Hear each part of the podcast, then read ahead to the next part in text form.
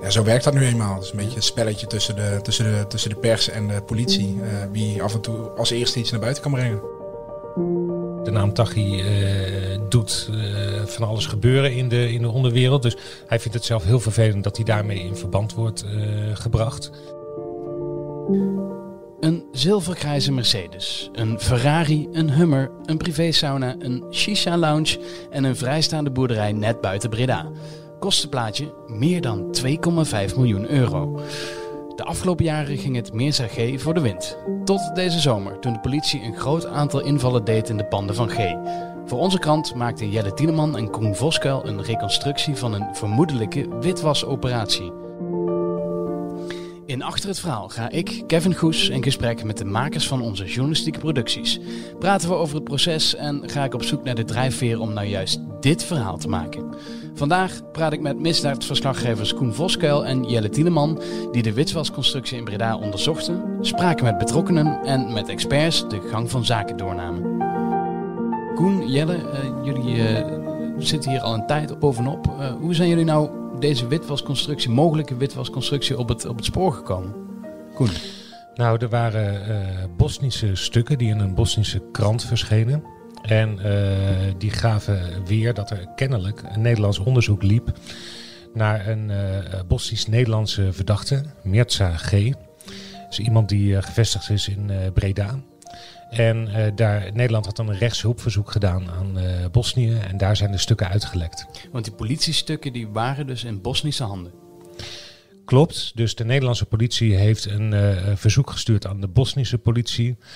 die stukken zijn in het Bosnisch vertaald. En uh, die zijn daar in de media uitgelekt. En uh, wij hebben inmiddels contacten daar, zodat wij uh, ja, meer dan 100 pagina's dossier in handen hebben. Ja. Want Jelle, vorige week hebben jullie al een klein deel gepubliceerd. Hè? Toen ging het over een mogelijk grote kartel, een superkartel, wat de Europese drugs zou beheersen. Um, dit is dus weer een, een uitwas uit dat onderzoek. Ja, dat is eigenlijk uh, dezelfde, uh, heeft dezelfde oorsprong. Um, en, en nu zijn we eigenlijk dieper ingegaan op wat er allemaal in dat uh, dossier staat. Um, en dan gaat het dus echt over die, over die witwasoperatie. Uh, en daar zit uh, vrij gedetailleerd een beschrijving in van, van de rechercheurs die aan het onderzoek hebben meegewerkt. En hoe die transacties verliepen, welke bankrekeningen daarbij betrokken waren. daar zitten verhoren in met, met allerlei mensen. dus het geeft echt een ja, toch een uniek inkijkje in hoe zo'n ja, vermeende witwasoperatie dan werkt. Ja. Hoe gaat zo'n contact eigenlijk met zo'n Bosnische journalist? Hoe, hoe kom je elkaar op het spoor?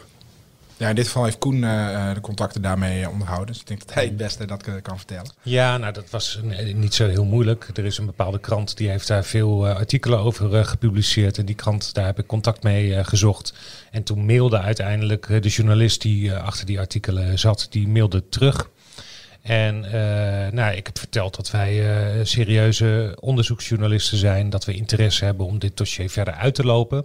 En dat we elkaar misschien ook kunnen helpen. Hè? Want wij hebben natuurlijk in Nederland betere uh, contacten. En we kunnen in het kadaster kijken, et cetera. Dus eigenlijk voorgesteld dat we misschien gegevens zouden kunnen delen.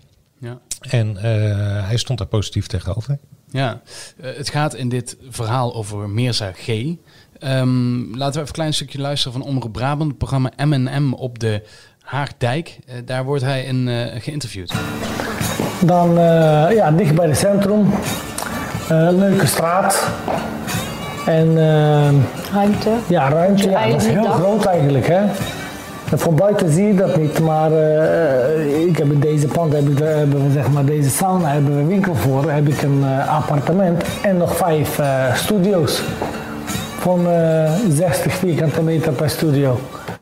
Ja, hier hoor je hem dus in dat programma. Hier is hij nog uh, vrolijk uh, aan het praten over een nieuw pand wat hij, uh, dit ging volgens mij over de privésauna op de Hagedijk, wat hij gekocht heeft voor een prikkie. Um, wie is deze man? Nou, het is dus een in Sarajevo in Bosnië geboren man. Um, hij zegt zelf dat hij hij komt uit een familie van uh, een militair en een politieman. En, uh, maar hij is zelf uh, gepassioneerd van bouwen. Dus panden verbouwen, et cetera. En hij zegt zelf dat hij daar fortuin mee heeft gemaakt. Um, dat blijkt niet het hele verhaal te zijn. Want hij heeft in Duitsland vier jaar vastgezeten wegens drugshandel. Mhm. En we kwamen hem ook tegen in een strafdossier in Antwerpen, waar hij op de verdachtenlijst staat. Ja, dat En- ging om de invoer van, eh, van softdrugs en cocaïne. Ja, 1500 kilo cannabis en 35 kilo eh, cocaïne. Ik geloof niet dat hij daar is veroordeeld. Maar eh, je vraagt je natuurlijk wel af wat zijn naam daar doet. Ehm, ja, zelf zegt hij, ja, dit, waren fouten uit, hè, dit was een fout uit het verleden. Dan had hij het over die eh, celstraf in Duitsland. Ja, hij zegt zelf dat hij een eerzaam burger is. Ja, en de politie stelt daar vraagtekens bij Ja. Omdat er ja, toch sprake is van een beetje schimmige geldstromen. En daar hebben we geprobeerd meer onderzoek naar te doen. ja, Jelle, ik zei al in de inleiding 2,5 miljoen euro. Meer dan 2,5 miljoen euro eh, kosten al die panden en alles wat hij heeft bij elkaar. Ehm, hij zegt zelf dus, ik heb dat eh, vergaard, dat fortuin, eh, via het bouwen en verbouwen van allerlei panden. Maar jullie hebben een beetje de stroom gezien waar dat geld dan vandaan zou moeten komen. Hoe, zit dat? Ja, klopt. En die, in die documenten is heel duidelijk te lezen ehm, eh, hoe de, de financieringsstructuur eruit ziet. ehm, en van wie de panden precies zijn. Nou, dat hebben we natuurlijk ook allemaal kunnen nalopen in, in het kadaster. En wat we daar ook in het kadaster dan tegenkwamen, waren een aantal beslagleggingen eh, van, het, van het Openbaar Ministerie. Dus op die manier hebben we het ook ja, echt alle informatie die in die politiestukken staat kunnen checken. Ehm, en als het gaat om de financiering daarvan, dan zie je dat eh, eh, de bedrijven eh, waarvan hij eigenaar is, eh, leningen aangaan eh, met allerlei eh, ja, buitenlandse eh, leningverstrekkers. En daarvan eh, zegt de politie ja, die leningen die worden in een rap tempo afbetaald. En de oorsprong van dat geld is vermoedelijk drugsgeld. Dus wat de politie zegt, eigenlijk eh, eh, leent hij als het feit eh, ehm, ja, zijn eigen drugsgeld. En daarmee, met dat mooie, eh, eh, nette nieuwe geleende geld, daar koopt hij dan die panden van. En nu is het zo dat, eh, dat, ehm, dat er een notaris is in Breda en er zijn twee banken, ING en ABN AMRO. En die hebben dit allemaal gewoon door laten gaan voor zover jullie weten. Ja, het, het punt is dat zij allemaal eh, zeggen, wij hebben een beroepsgeheim. Dus we kunnen eigenlijk niet over individuele klanten praten. Sterker nog, eh, dat verbiedt de wet ons om eh, te doen. Dus het is wat dat betreft moeilijk om daar wederhoor te halen. Maar ja, als je vastgoed koopt in Nederland, dan is daar altijd een notaris bij betrokken. En eh, ehm, in dit geval blijken er ook twee Nederlandse bankrekeningen een rol te spelen in sommige van die eh, transacties. Eh, daar wordt dan ineens twee ton op gestort. En ehm, eh, nou, in principe horen banken daarop aan te slaan. Ja. Die hebben hun eigen veiligheidssystemen. Waarbij er een rood lampje afgaat van hé, hey, dit is een verdachte transactie en hier moeten we misschien onderzoek naar doen. Of er onderzoek is gedaan, dat weten we dus niet, want dat kunnen de banken ons niet vertellen. Of het notariskantoor aan de bel heeft getrokken, dat kunnen we dus eigenlijk ook niet eh, zeggen. Maar we weten wel één ding, namelijk dat de verkoop van die panden gewoon doorging. Ja. Dus En de inval is natuurlijk pas geweest na een tip van de Amerikaanse DEA. Precies, precies. En dat is eh, ruim een jaar eh, later. Dus we kunnen alleen constateren, ja, die transacties zijn doorgegaan. Misschien is het gemeld aan de instanties, maar iets is daar niet goed gegaan. Nu is het ook zo dat hij een beetje de schijn tegen heeft. Hij heet Mirza G. Eh, Die, die naam gebruiken wij, hè? G eh, als afkorting. We hebben ook een Edin G. Daar hebben jullie vorige week ook flink over geschreven in dat eh, verhaal over, over dat kartel. Zij zijn ook familie, toch? Ja, ja eh Edin G. is zijn neef, neefje. En ehm, de politie zegt dat er een connectie is, niet alleen eh, in familiair opzicht, maar ook in crimineel opzicht. Eh, de informatie van de DEA eh, zegt dat Edin G. aan het hoofd staat van het Tito en Dino-kartel. Ja. Dat is een, een vrij vrolijke naam voor een eh, niet zo'n vrolijke organisatie. Want eh, het zou, ja, dat kartel zou een van de 50 grootste organisaties zijn op het gebied van eh, drugshandel. Eh, die Edin G. die eh, zit in Dubai. En de politie verdenkt hem daarvan dat hij vanaf daar dus aan de touwtjes trekt. En Mirza G. zou onderdeel uitmaken van die bende. Je hebt ook altijd Ja. van die organogrammen eh, die de politie Mhm. tekent. En daar zie je dat ook gewoon helemaal uitgelijnd staan. Zelf zegt Mirza G. eh, En dat moeten we er dan wel even bij vermelden. Dat hij al twintig jaar geen contact meer heeft met eh, Edin. Omdat ze ruzie hebben gekregen. En eh, hij zegt, dus, het is allemaal onzin dat ik bij dat kartel zou horen. Nou, dat is nou net aan Ja. de politie om uit te zoeken. Daar komen we zo op, op hoe hij daarop gereageerd heeft, ook op jullie eh, verhaal. Ehm, Jelle, je hebt in Utrecht heb jij ook veel te maken gehad met, met Taggi, met Ridwan Taggi. Eh, die zit hier dus ook weer zijdelings in verborgen in dit verhaal? Uh, ja, het is absoluut niet zo dat, dat, dat het zeg maar zijn uh, vermeende drugsgeld is dat hier wordt witgewassen. Dat is uh, niet in vragen. maar het is wel zo dat volgens de politie Edin G en, en, en Ridwan Taghi samen onderdeel uit zouden maken van een soort superkartel. Je noemde het al eerder. Ehm, de Amerikaanse DEA, drugs, antidrugseenheid, ja, die heeft daar een vrij, vrij lijvig ja, informatiebericht over uh, doen verspreiden naar uh, onder meer de Nederlandse politie. En die zijn daar vrij stellig over. ja, die twee werken met elkaar samen. Ja, dus het zou ook zo kunnen zijn dat Daggy en deze Meerzij ook weer contact met elkaar hebben. Hij ontkent dat zelf met klem. hij zegt, ik heb die man nog nooit gezien, nog nooit gesproken, nog nooit een appje gestuurd, helemaal niks.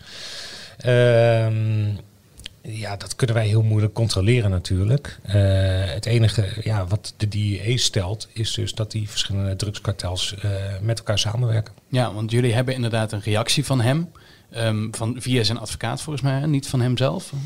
Klopt, ja, via zijn Rotterdamse advocaat. Want wat zegt hij op jullie verhaal?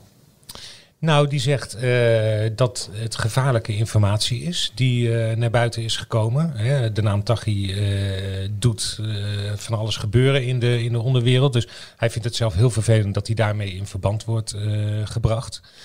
Um, en verder zegt hij, nou ja, hè, al die transacties die waren gewoon volkomen legaal. Het gaat om een hardwerkende man. En uh, hij werkt volledig mee aan het politieonderzoek om te mhm. bewijzen dat hij onschuldig is. Nou, wat daarvan de afloop wordt, dat moeten we natuurlijk afwachten. Ja, uh, Jelle, nu is het al in, in, juli, is volgens mij die inval geweest hè, bij, ja. uh, in Breda, bij die panden. Hoe kan het dat dit zo laat eigenlijk pas naar buiten komt? Want dus, dus via die Bosnische weg die jullie bewandeld hebben, hoe, hoe hebben ze dit stilgehouden in Nederland? Nou ja, er zijn natuurlijk nog, uh, nog uh, honderden andere onderzoeken waar wij geen weet van hebben. Omdat dat soort onderzoeken de baat bij hebben dat ze uh, in stilte worden gedraaid. Um, wat hierbij wel naar buiten is gekomen zijn natuurlijk de, politie, de politieinvallen. En daar heeft de politie destijds ook wel iets over naar buiten gebracht. Want dat was natuurlijk gewoon ook in het openbaar, dat was zichtbaar. Maar over ja, hoe dat precies zat en wat daar de organisatie, zeg maar, de vermeende organisatie achter was. Dat hebben ze destijds niet willen zeggen. Ja, en dat hebben wij dus nu wel naar buiten gebracht. En ja, uh, ja, zo werkt dat nu eenmaal. Dus een beetje een spelletje tussen de, tussen de, tussen de pers en de politie. Uh, wie af en toe als eerste iets naar buiten kan brengen. Ja, nu, nu was hij, uh, hij zat in dit filmpje wat we eerder hebben laten horen van Omroep Brabant. Ja, dat is een paar maanden voordat de politie invallen doet. Ja, want hoe werd hij in Brabant gezien? Of wordt hij in Brabant gezien? Hoe, hoe staat hij bekend? Nou ja, zoals je in dat filmpje van Omroep Brabant ziet, dan zijn er totaal twee filmpjes. Ja, daar wordt hij wel echt neergezet als een, als een uh, investeerder, een ondernemer die zijn zaken goed voor elkaar heeft. Die kennelijk ook de financiële middelen heeft om, om best wat panden op te kopen hè, het, en, en, en ook verbouwen. En ook niet... Um, ja, ook niet uh, op een lullige manier verbouwen. We zien marmeren, mm -hmm. marmeren platen.